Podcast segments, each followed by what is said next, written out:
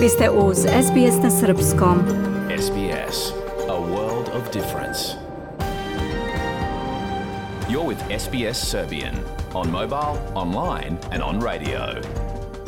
Vi ste uz SBS na Srpskom, na mobilnom, na internetu i na radiju.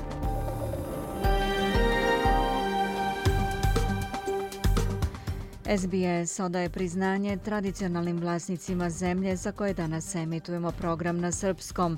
Ovim izražavamo poštovanje prema narodu Vurenđer i Vojvurung, pripadnicima nacije Kulin i njihovim prošlim i sadašnjim starešinama.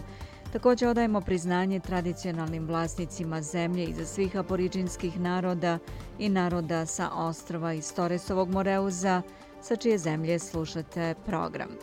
Dobar dan, danas je utorak 26. septembar 269. dan 2023. Do kraja godine 96 dana.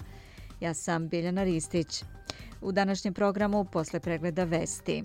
Novi istraživački projekat proučavao je načine na koji bi se mogle smanjiti prepreke koje ženama raznolikog kulturnog porekla stoje na putu ka preuzimanju rukovodećih profesionalnih uloga – Nataša Kampmark donosi tu priču.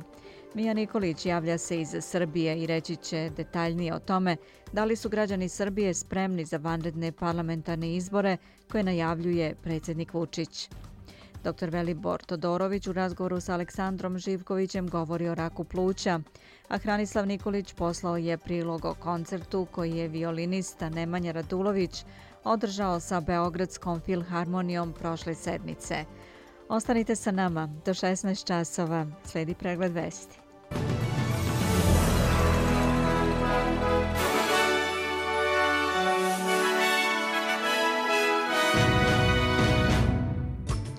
Daniel Andrews objavio da će dati ostavku kao premijer Viktorije posle skoro 10 godina na vlasti. Američki zvaničnici u Jermeniji duboka zabrinutost za etničko jermensko stanovništvo u Nagorno-Karabahu. Blinken, osuđujemo napade na policiju, pozivamo Kosovo i Srbiju da rade na deeskalaciji.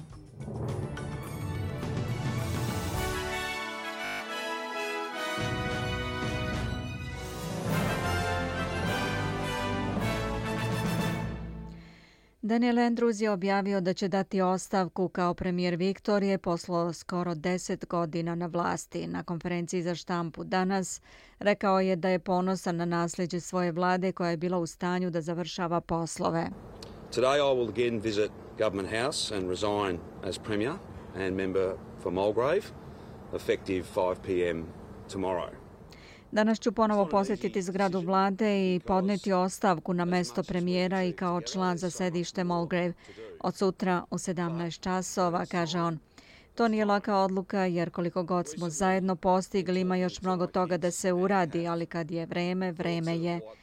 Nedavno u razgovoru sa mojom decom i sa Kath prolazile su mi misli o tome kakav će biti život nakon ovog posla i uvek sam znao da će doći trenutak da odem i da prepustim ovu privilegiju, ovu neverovatnu odgovornost nekom drugom, rekao je on. Novinar je pitao gospodina Andrewsa o njegovoj izjavi pre prošlogodišnjih izbora da će odslužiti do kraja svoj mandat. Tada je to bila istina, ali sam se predomislio, odgovorio je. Gospodin Andrews je postao premijer u novembru 2014. izbacivši liberalnu vladu u prvom mandatu i predvodio je laburiste do još dve izborne pobede 2018. i 2022.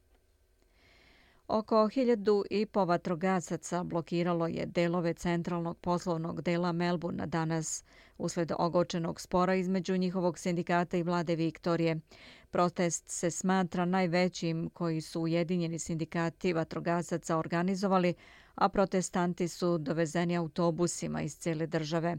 Povici sramota i moć sindikata uzvikivani su dok su govornici kritikovali zastoje u pregovorima oko novog sporazuma o uslovima rada i zaradama za koji sindikat tvrdi da je pocepan na sitne delove i da ugrožava bezbednost.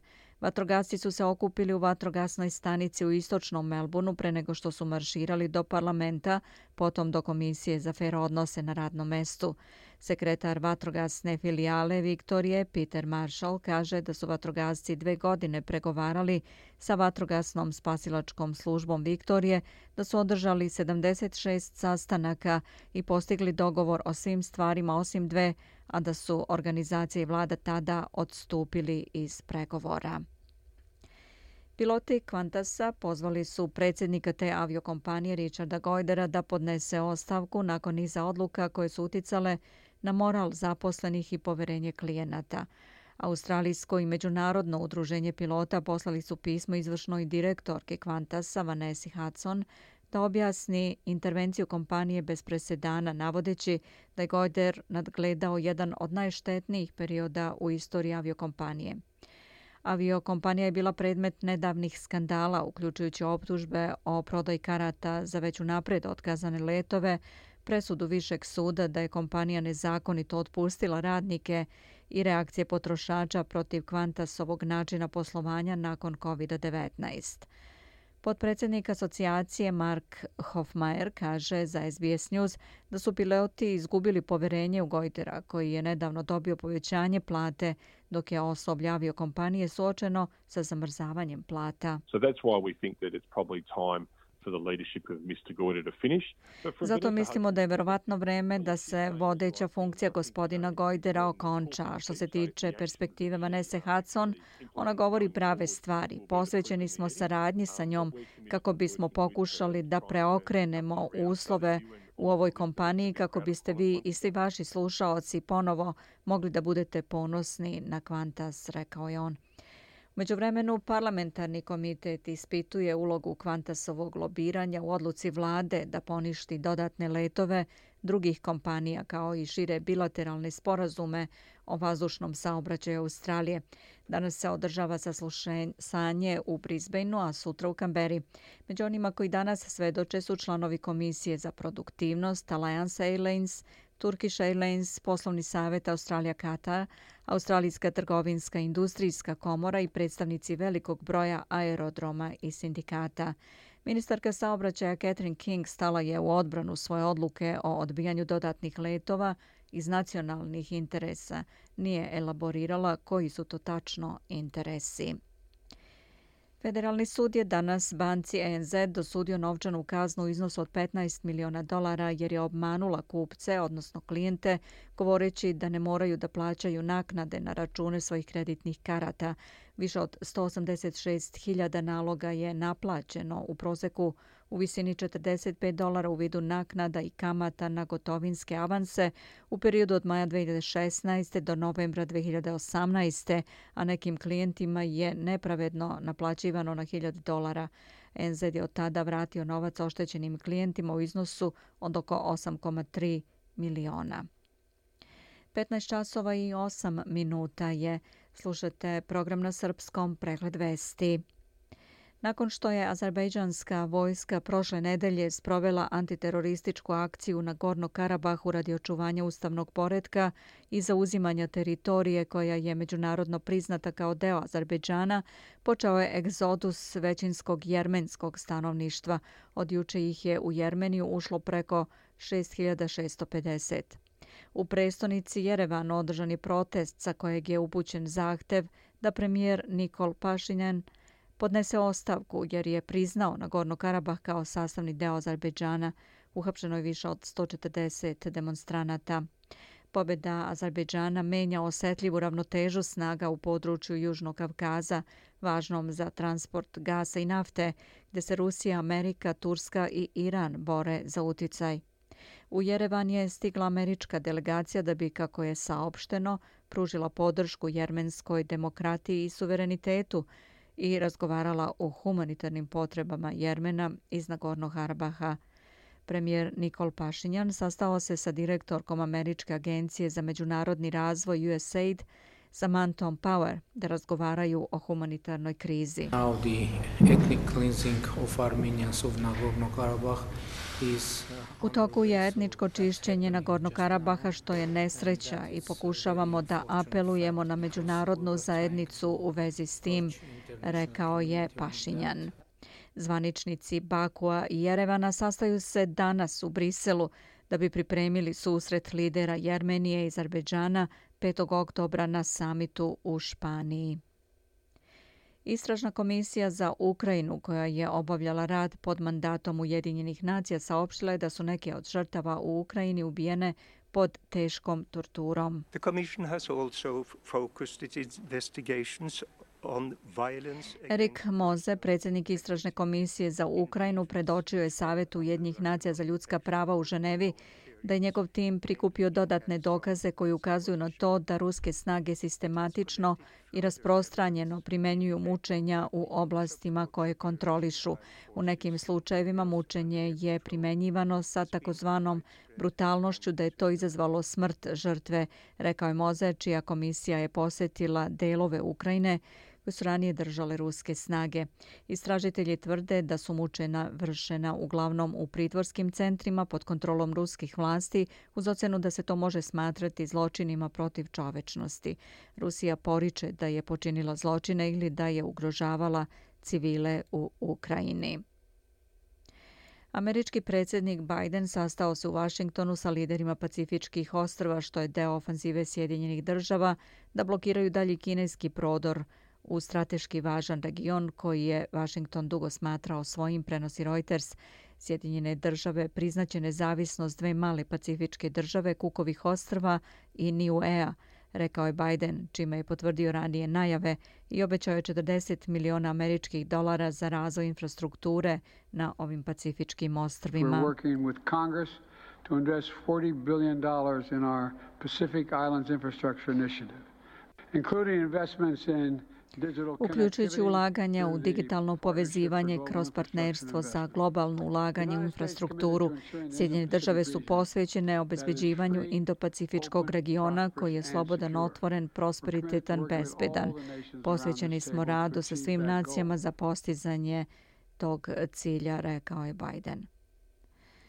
Zvaničnici u Manili su saopštili da su uklonili plutajuću barijeru dugačku 300 metara koju je postavila kineska obalska straža da spreči filipinske ribarske brodove da uđu u spornu lagunu u Južnom Kineskom moru gde obalne države imaju ekskluzivna prava na ribarenje i korišćenje drugih resursa, kako tvrde filipinski zvaničnici, podvlačeći da je to nezakonito i nelegitimno. Ta prava su potvrđena arbitražnom odlukom iz 2016. ustanovljenom na osnovu Konvencije Ujedinjih nacija o pomorskom pravu iz 1982. Kina je odbila da učestvuje u arbitraži koju su tražili Filipini 2013. Peking je odbio da prizna arbitražu iz 2016. i nastavlja da je ignoriše. Washington je rekao da je obavezan da brani Filipine svog važnog saveznika u Aziji ako filipinske snage, brodovi i avioni budu napadnuti. Slušate pregled vesti na srpskom jeziku. Sjedinjene američke države najoštrije osuđuju koordinisane nasilne napade na kosovsku policiju kod manastira Banjska 24. septembra, izjavio u ponedeljak državni sekretar Sjedinjenih država Anthony Blinken. Počinici ovog zločina moraju da odgovaraju u transparentnom istražnom procesu. Pozivamo vlade Kosova i Srbije da se suzdrže od bilo kakve akcije ili retorike koji bi mogli dodatno da podstaknu tenzije i da odmah rade u koordinaciji sa međunarodnim partnerima na deeskalaciji situacije, osiguravanju bezbednosti i vladavine prava u povratku dijaloga pod okriljem Ujedinjenih nacija, navodi se u Blinkenovoj izjavi koju je objavio State Department. Američki državni sekretar dalje navodi da kosovska policija ima punu odgovornost za sprovođenje vladavine prava u Republici Kosovo.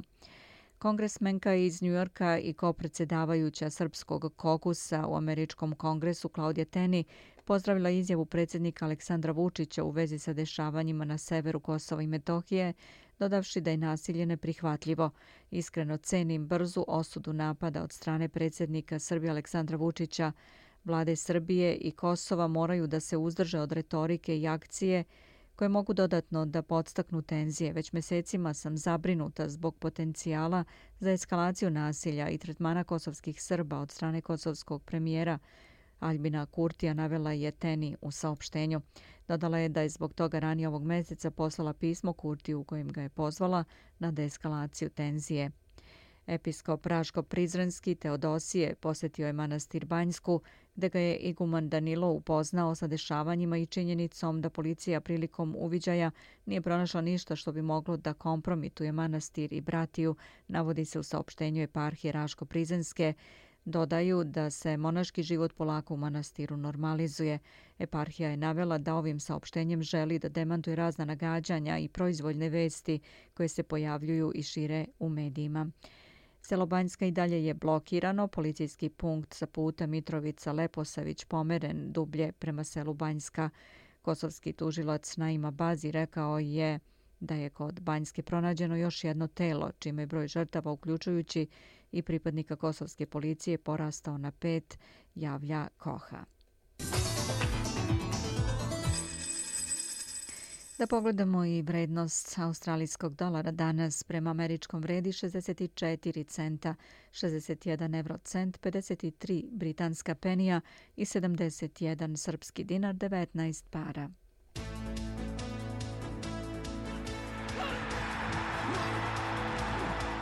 Ukratko iz sporta, deceniju posle prvog velikog finala u novom klubu Lečinil je zaradio drugu Brownlow medalju. 2013. ova zvezda Brisbana je bio 20-godišnji e, momak svežeg lica i zamena u timu Fremantle koji je izgubio protiv kluba Hawthorne u odlučujućem meču tokom te sezone. Nakon što je sinoć osvojio svoju drugu Brownlow medalju, Na žurci Lavova u Brisbaneu Nil je zauzeo filozofski pristup komentarišući osvajanje najveće individualne nagrade u okviru EFL lige.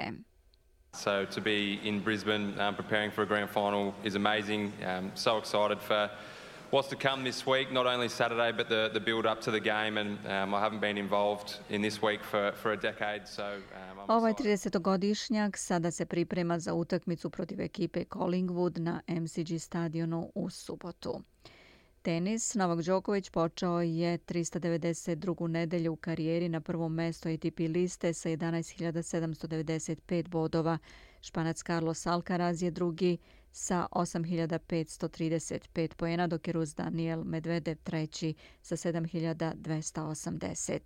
Najbolje rangirana srpska teniserka Olga Danilović napredovala je na najnovijoj VTA listi i zauzima 108. mesto sa 648 bodova. Na samom vrhu nije bilo promjena.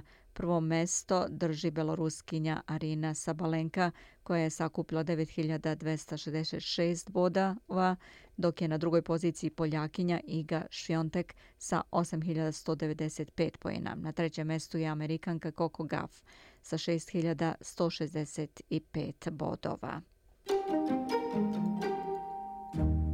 I na kraju ovog bloka da pogledamo i vremensku prognozu po većim gradovima u Australiji.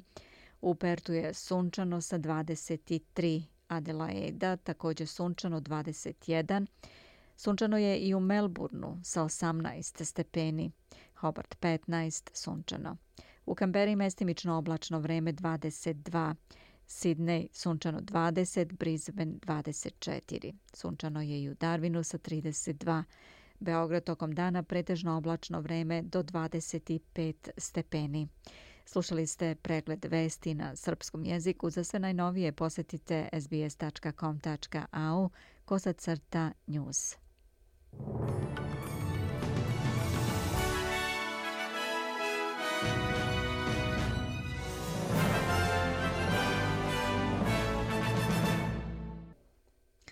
15 časova 20 i po minuta je na našem časovniku tačno.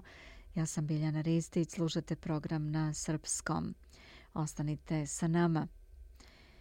Studija je pokazala da se žene raznolikog kulturnog porekla u Australiji dalje suočavaju sa preprekama na putu ka rukovodećim pozicijama. Novi istraživački projekat proučavao je načine na koji bi se mogli smanjiti prepreke koje ženama raznolikog kulturnog porekla stoje na putu ka preuzimanju rukovodećih profesionalnih uloga.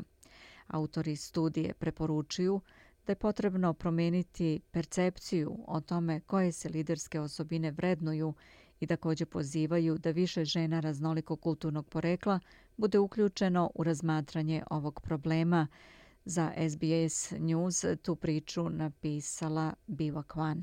Za SBS na srpskom Nataša Kampmark. Da čujemo.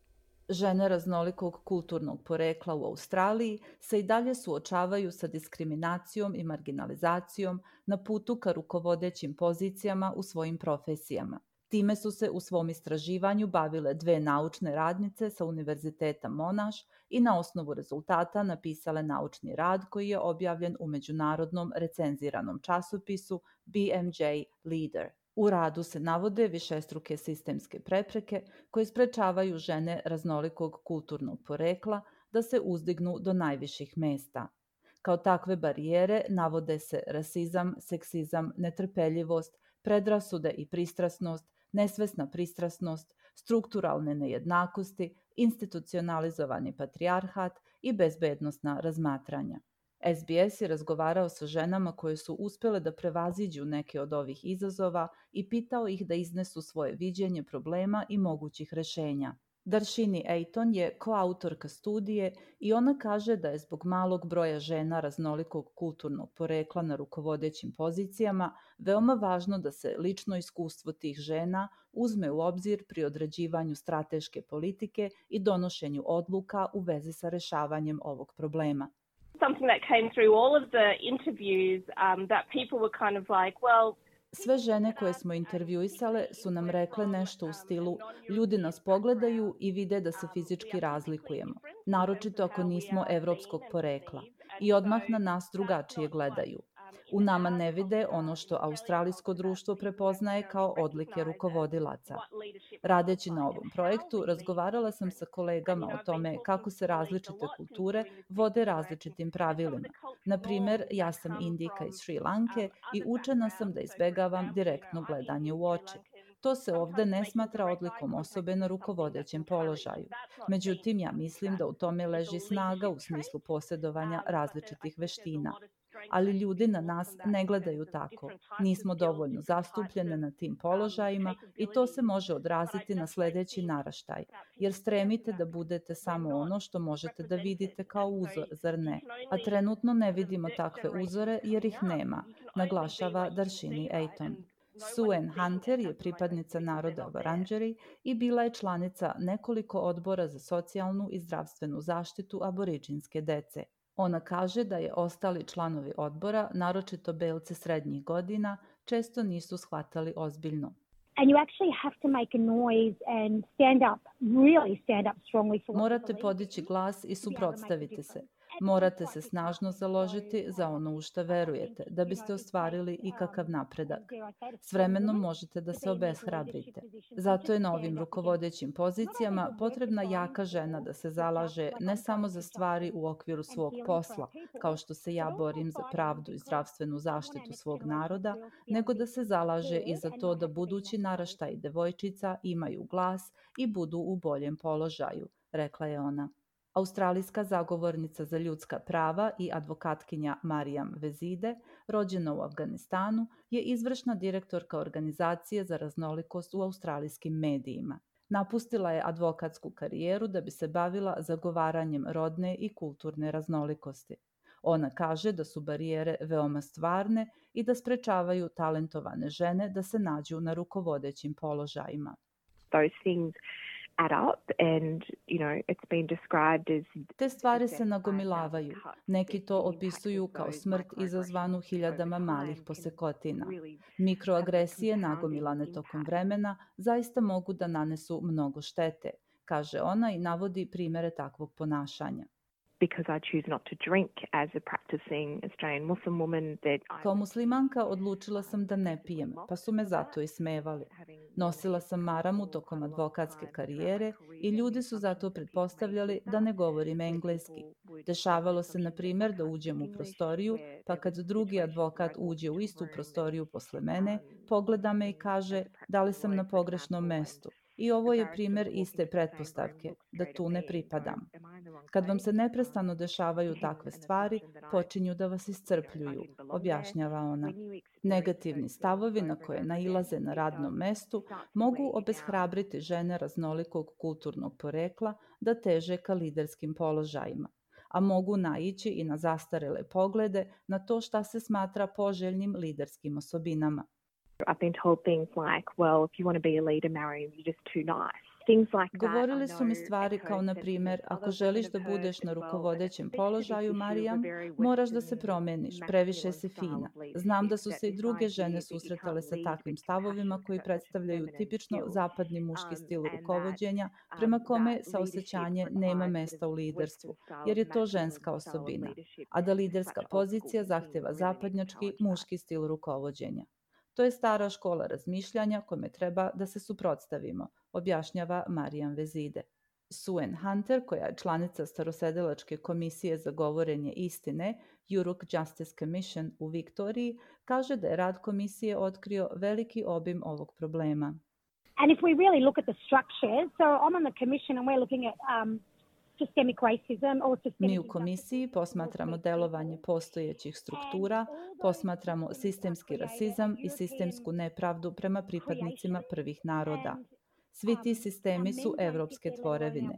U njima ne sede naši muškarci, da ne govorimo o ženama na uticajnim položajima. Zato morate da se zapitate kako se dolazi na taj položaj. Zato sam prihvatila učešće u komisiji, da bih mogla da promenim nepravedne strukture i sisteme i omogućim da budu dostupni svima, kaže Suen Hunter. Rodna raznolikost odbora australijskih kompanija se tokom godina poboljšala, ali kulturna raznolikost i dalje stagnira. Na primjer, u kompanijama navedenim na australijskoj berzi vrednostnih papira, broj žena u odborima je za 7 godina porastao na 44%, prema indeksu raznolikosti odbora za 2023. Što se tiče kulturne raznolikosti, nije ostvaren značajniji napredak. 90% članova odbora je anglo-keltskog porekla. Rezultati nisu ništa bolji ni u Australijskom saveznom parlamentu.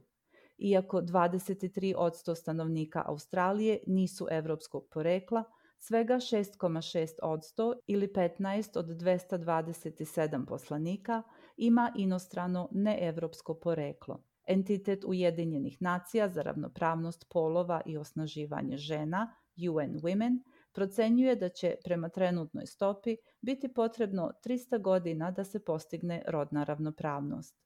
Ako rodnoj ravnopravnosti dodamo i kulturnu raznolikost, taj vremenski okvir se produžava. Autorka studije dr. Darshini Ejton apeluje na sve da učine ono što mogu u svojoj sferi uticaja kako bi aktivno uklonili štetne stavove i preuzeli odgovornost za delovanje i promene you know, being able to recognize and promote and having allies in the workplace and having people say, hey, treba biti u stanju da se prepozna i promoviše i treba imati saveznike na radnom mestu. Ljude koji će vam reći, trebalo bi da se prijaviš za ove liderske pozicije. Podržat ćemo te. A druga važna stvar je i ta kada sebe ili ljude poput vas ne vidite na rukovodećoj poziciji i ne mislite da je to nešto za što biste mogli da se kandidujete. Znači, treba da imate saveznike oko sebe koji će vam reći da ste sposobni i koji će vas podržati. Mislim i nadam se da ćemo kao društvo brže ostvariti taj cilj što više budemo razgovarali o tome,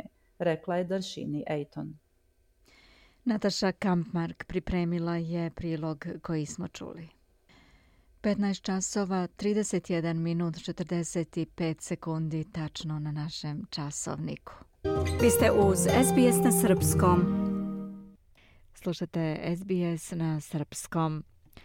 Prvobitni zamah protesta Srbija protiv nasilja nedeljama unazad opada, nezadovoljni činjenicom da vlast nije ispunila zahteve protesta, opozicioni političari koji ih organizuju najavljuju da će ih ispuniti sami, zbog čega traže održavanje vanrednih parlamentarnih i beogradskih izbora kako bi nakon smene vlasti to mogli da urade. Na liniji imamo Miju Nikolić. Mija, dobar dan. Predsjednik Vučić je najavio raspisivanje izbora, je li tako? Recite nam, šta se dešava? Budi li se politička scena posle letnjih odmora? Nakon združenog zahteva za vanredne parlamentarne i beogradske izbore, opozicija je početkom septembra blokirala rad Skupštine. Sednica je ubrzo usled opšte haosa s brda s dola završena, uskršenje procedure veće nego inače. Predsednik Vučić je najavio da će izbore raspisati, ali kad pozavršava brojne međunarodne obaveze, no već je turnejom po Srbiji otpočeo, to jest nastavio kampanju. Opozicijunu buku u parlamentu, uz pištaljke i vuvuzele i potonje potpisivanje dogovora o pobedi, jedni smatraju e, prodrmavanjem, odmorom umrtveljene političke i društvene scene, drugi očajničkim aktom. Trećima, sve ovo liči na vruću političku jesen koja se najavljuje godinama, a koja se, kako očekuju, jednom možda i desi. Za sad je jasno da se stotine hiljada demonstranata nije vratilo na ulice srpskih gradova, te da se politička borba vlasti i opozicije može voditi u Skupštini ako ona nastavi rad, kao i na drugim malobrojnim platformama dostupnim Vučićevim oponentima, uključujući tu i ulične performanse. Vruću političku jesen prema pisanju vremena neki priželjkuju i u obliku van institucionalne smene vlasti, ali to će kanda teško da ide. Ono što u ovom trenutku izgleda najizvesnije, e, pred nama je još jedna naprednjačka predizborna utakmica, mada još niko, možda čak ni sam Aleksandar Vučića, ne zna kada će koji, koliko povezani ili razdvojeni izbori biti održani. Jedino ušta kako beleži vreme, nema sumnje, jeste da će oni biti neregularni i pre nego što se raspišu, makar bili i za savet mesne zajednice, navodi ovaj nedeljnik i daje procenu za izbore. Da će vanrednih parlamentarnih zasigurno biti, stoga što je e, predsednik Vučić sasvim očigledno krenuo u predizbornu kampanju, pokušavajući ubrzano da izlači fleke koje su produkovali njegovi saborci. No, kad su u pitanju Beogradski, tu je nešto komplikovanija situacija koja će moguće tražiti dodatnu observaciju predsednikovog specijalnog tima za izbore, procene, istraživanja i slično. Mija, kada je redovni rok za pokrajinske i lokalne izbore i mogu li se parlamentarni ubrzati? Vreme podsjeća da je redovni rok za pokrajinske i lokalne izbore na proleće sledeće godine, ali da je ove druge moguće ubrzati jer bi sve lokalne vlasti na navodnu molbu predsednika, što se već dešavalo, očas posla podnele ostavku. Naravno da će na kraju biti onako kako Vučić odlučuje, a on će se rukovoditi rejtinzima i savetima napred pomenutog specijalnog tima. Kako građani razmišljaju? Da li podržavaju izbore ili ne? Građani su podeljeni, to jeste nisu većinski za izbore, ali dok jedni misle da je za njih prerano, jer opozicija još nije dovoljno organizovana, drugi u čestim vanrednim izborima vide štetu za društvo i za oporavak zemlje. A šta misle analitičari? Profesor Fakulteta političkih nauka Miloš Bešić e, ocenjuje da su što češći izbori potrebni Srbiji jer oni slabe vladajuću SNS. Kaže da su u rukama vlasti mači pogača i da o održavanju izbora možemo samo da nagađamo. Raspisaće ih kada njima najviše odgovara, a opoziciji najmanje. Opozicija mora biti spremna za izbore, u svakom trenutku ne može da utiče na njih, ali može da se priprema za izbore. Ona je trebalo da traži izbor onog trenutka kada su protesti krenuli kada je stotine hiljada ljudi izašlo na ulice. Sada kada su utihnuli, oni traže izbore, navodi profesor Bešić, uz ocenu da je to zakašnjenje. On ističe da nama treba što više izbora, što češće, to bolje. Kriterijum normalnosti u pravom demokratskom društvu podrazumeva da nemate političke tenzije, a redovno održavanje izbora na četiri godine podrazumevalo bi konsolidovanu demokratiju, gde institucije normalno funkcionišu, gde mediji normalno funkcionišu, gde imate nezavisne institucije koje normalno obavljaju svoje funkcije, gde imate sve mehanizme građanske kontrole vlasti, u toj situaciji e, nema nikakvih razloga da se izbori ne održavaju redovno na četiri godine, a što kod nas nije slučaj. A kada nije tako, kada imate tragedije kakve smo mi imali u maju i kada imate niz drugih institucionalnih i političkih abnormalnosti, to zapravo govori o krizi legitimiteta društvenog i političkog sistema. Građani već dugo ne veruju institucijama, političkim partijama, pogotovo ne veruju liderima partija i za ogromno akumulirano nezadovoljstvo, čak i među glasačima vladajuće stranke, Nemate rešenja osim da ga tražite na izborima, kaže profesor Bešić. Ukazuje da imamo model ekonomskog ne razvoja, već selektivnog udovoljavanja određenim slojevima zarada dobijanja glasova, a kada imate sistem vladavine dominantne partije koja tako rukovodi državom, što češći izbori su to bolji. Dominantna partija na svakim izborima maksimalno crpi svoje kapacitete, ako da njenih protivnika se povećava intenzitet, energija i motivacija, nezavisno od okolnosti. On podsjeća da ako se izuzme 2012. kada je Srpska napredna stranka pobedila, naprednjaci su na svakim sledećim izborima pravili sve lošije rezultate i ocenjuje da sve i da ih sada dobije i ovi predstojeći izbori će sigurno dodatno oslabiti Srpsku naprednu stranku, to bi dovelo i do preraspodele snaga u parlamentu, što bi kasnije svakako dovelo do promena. Izvršni direktor CESID-a, Bojan Klačar, pak sumnja u logiku što češći izbori to bolje za opoziciju, jer slabi vlast, zato što je Srpska napredna stranka i dalje favorit, a bez indicija da, ako se nešto ne promeni u narednih godinu dve, da je opozicija smeni do 2027. 28. godine. Smatra da je iz ugla društva nama potrebna normalizacija političkog života, pre i mnogo više nego prečesti izbori. U nekom smislu nama je potrebno da imamo pun mandat vladu, jer u punom mandatu možemo da razgovaramo šta su obećali, šta ispunili, a trenutno vrlo teško možemo da pratimo obećanja političara, jer jedni izbori dolaze ubrzo iza drugih. Ako ostavimo po strani interese i vlasti opozicije, suštinski interes za Srbiju, za politički život, za ljude koji ovde žive, bila bi normalizacija političkog ambijenta koja između ostalog znači redovnost izbora. Naravno, ako ne postoji kriza, ako je vlada stabilna u parlamentu, a svaka SNS vlada je bila stabilna, no ipak skoro ni jedna nije izgurala pun mandat. Mi smo jedna od redkih zemalja, ako ne jedina, u kojoj je bilo više vanrednih izbora nego redovnih, kaže Klačar. On se slaže sa ocenom da je mnogo bolji moment za političku artikulaciju protesta bio kada je na ulice izlazio znatno veći broj ljudi i smatra da je ovaj sada zahtev opozicije za izborima ofanziva iz nužde kao izlazna strategija iz protesta koji nisu doneli ono što se očekivalo. Mija, proevropske stranke su potpisale dogovor o pobedi. Šta to znači i kako se to komentariše u krugovima analitičara? Što se tiče nedavno promovisanog dogovora za pobedu, koji su potpisali predstavnici proevropske opozicije koja organizuje proteste protiv nasilja, kojim oni najavljuju koliko pobede na izborima vraćanje demokratskih standarda u društvu, devastiranom desetogodišnjom vlašću SNS-a, ocene politikologa su i oko toga različite. Izvršni direktor Instituta za evropske poslove Naim Leo Beširi ocenjuje da iako je u prošlosti opozicija izlazila sa brojnim platformama, deklaracijama, idejama, nikada nije objavila tekst koji na ovakav način definiše temelje njene zajedničke saradnje. On smatra da je takav potez opozicije najbolje što je ona mogla da uradi u ovom trenutku, naročito u kontekstu zajedničke kontrole izbora, ali i borbe za bolje izborne uslove. Naglašava da Vučić neće podariti izbornu slobodu građanima Srbije i za nju će građani ponovo morati da se izbore.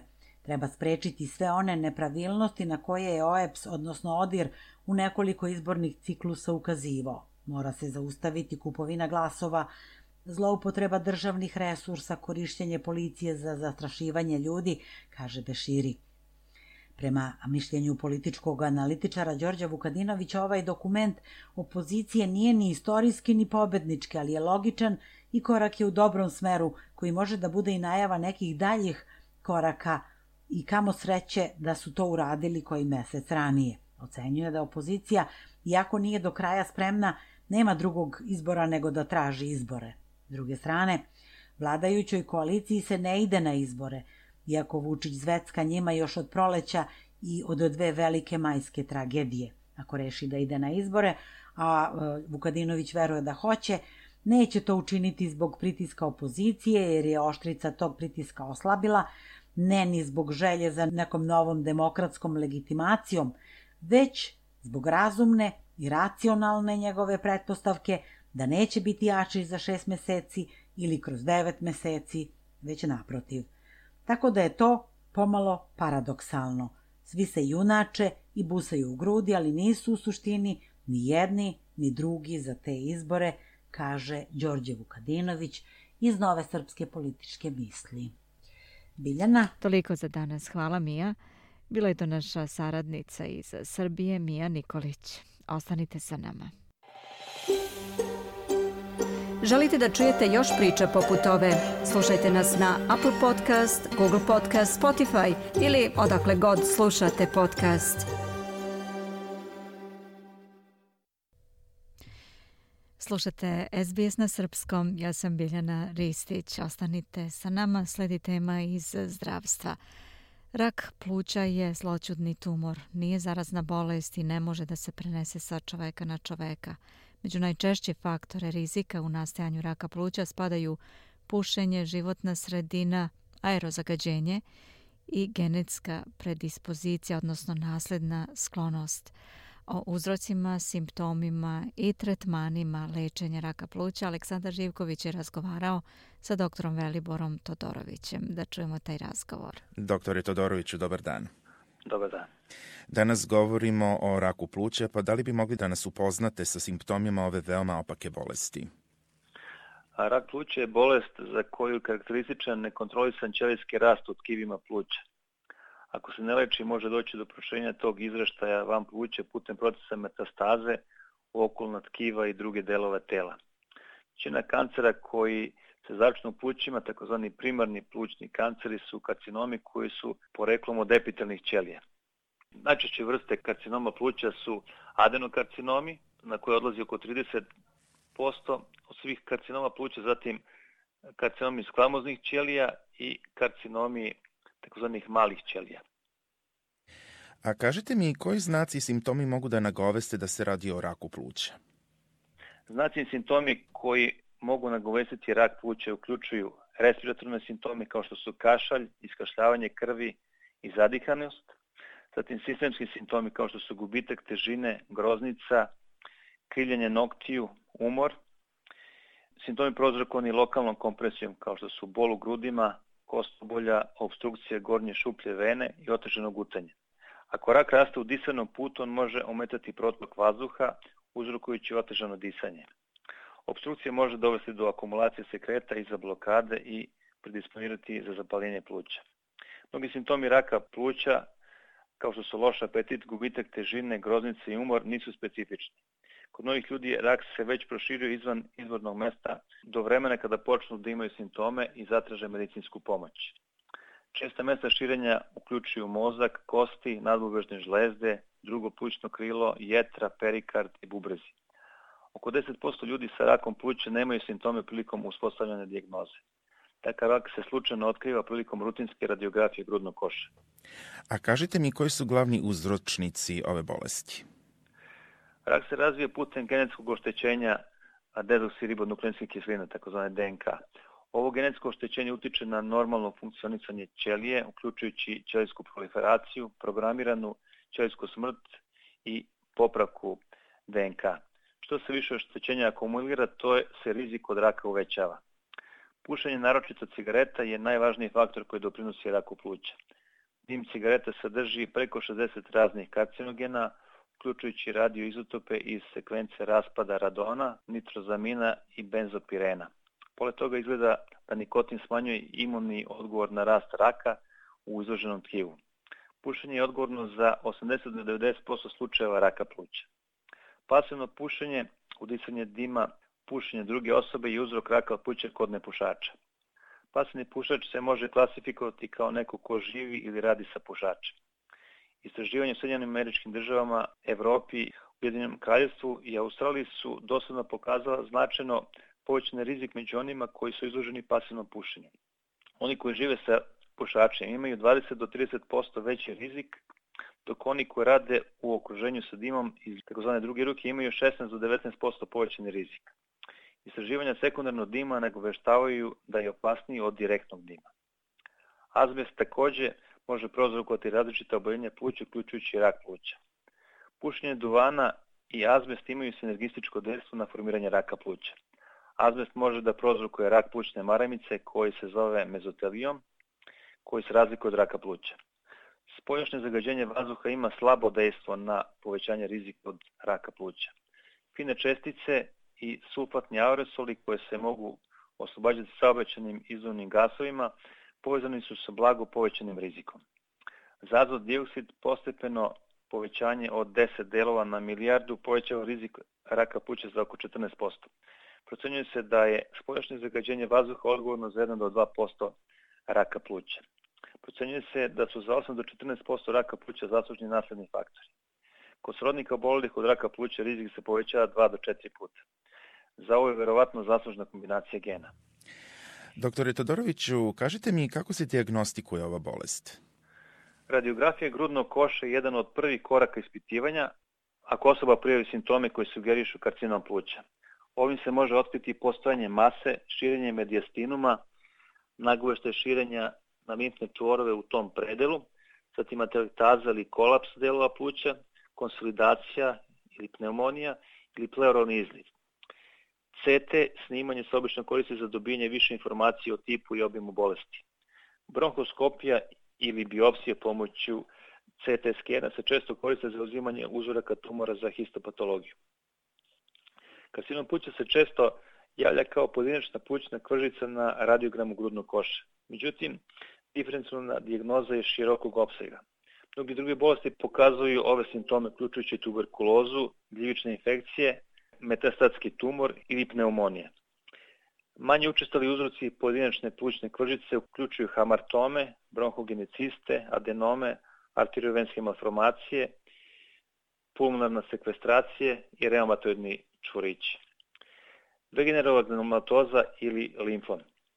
Karcinom pluća može biti i slučaj nalaz kao i pojedinačna plućna kvržica na radiogramu grudnog koša ili CT skena, načinjenom iz e, nepovezanih razloga. Konačna dijagnoza karcinoma pluća zasniva se na histološkom ispitivanju sumnjivog tkiva u kontekstu kliničkih i radioloških nalaza. A kažite mi kako se ova bolest leči? Lečenje raka pluća zavisi od specifičnog tipa ćelija raka u kojoj meri se proširio i od performansnog statusa osobe. Uobičajeni oblici lečenja uključuju palijativnu negu, hiruške zahvate, hemoterapiju i radiocenoterapiju.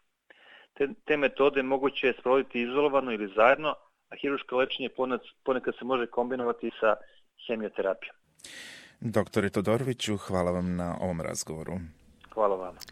O uzrocima, simptomima i tretmanima lečenja raka pluća Aleksandar Živković je razgovarao sa doktorom Veliborom Todorovićem. Slušate program na srpskom, ja sam Biljana Ristić. 15 časova 52 i po minuta je. U nastavku programa prelazimo u svet muzike.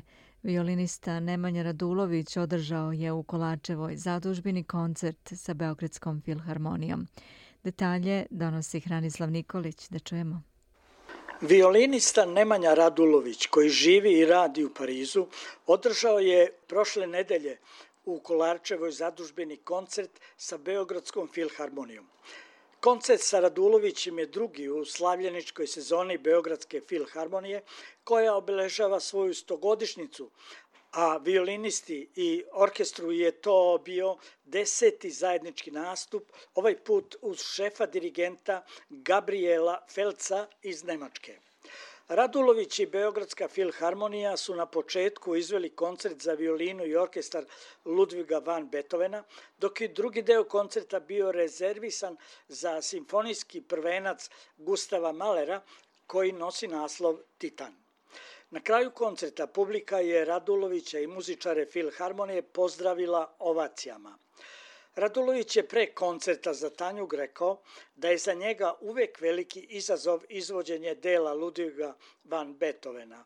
Naveo je da je Beethovenovo delo sa tehničke strane dosta komplikovano zbog intonacije, precizne čistoće zvuka, a zatim je kazao ali sa druge strane muzički je toliko um, zahtevan i sa jedne strane vas umori, a sa druge strane vas napuni nekom posebnom energijom i da vam snagu posle na, na kraju na kraju koncerta. Mogu da kažem da, da uživam apsolutno i kada sam sa svojim ansamblom, kada sviramo program recimo Roots, ali i ove stvari nekako, pogotovo Beethoven. Beethoven je za mene taj violinski koncert najomiljeniji, evo već preko 20 godina kako, kako i svirama i kako, kako uživam. I nikada mi nije dosadno da iznova, zato što je ostavio toliko prostora uh, izvođačima da, da imaju svoju viziju i tako da uživam.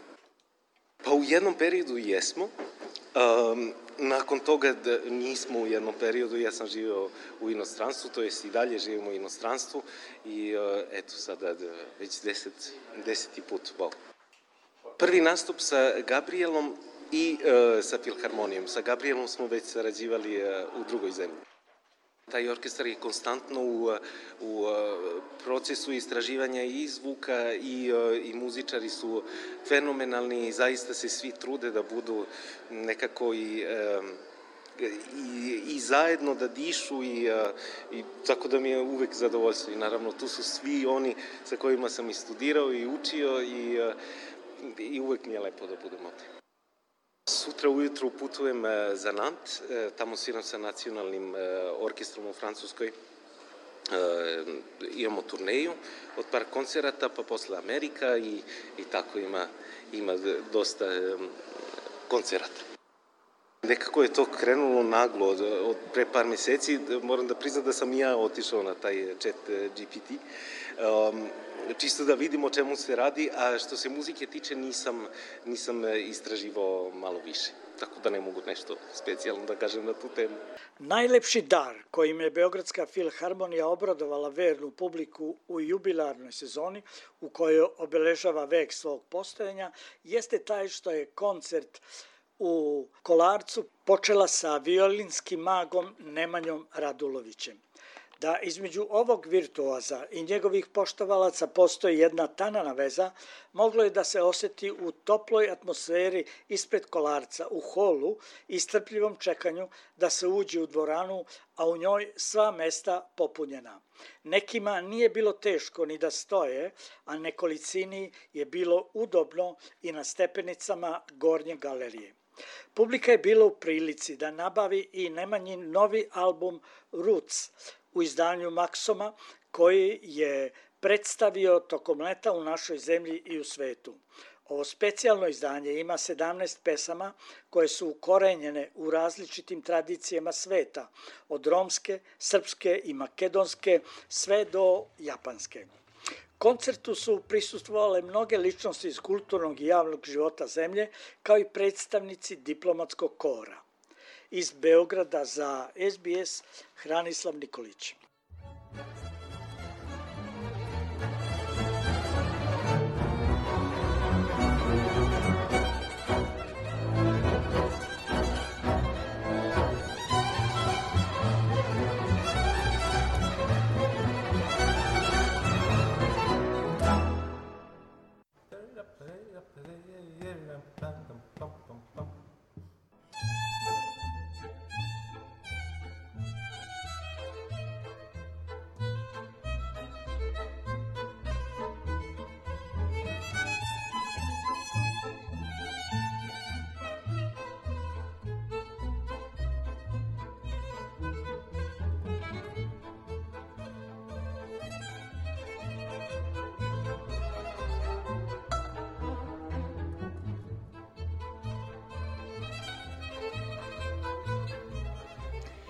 Nemanja Radulović i Double Sense sviraju omaž Aleksandru Šišiću i time završavamo današnji program.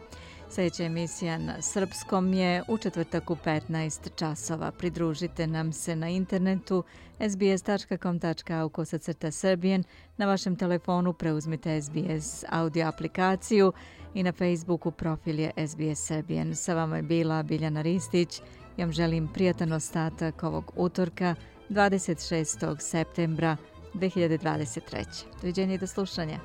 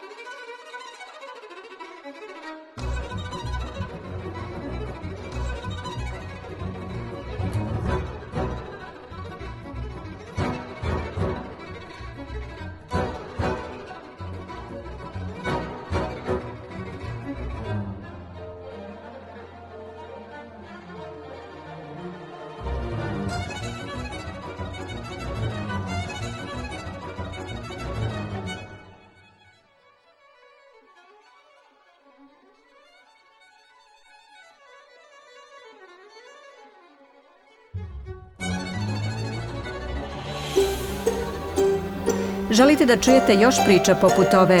Slušajte nas na Apple Podcast, Google Podcast, Spotify ili odakle god slušate podcast.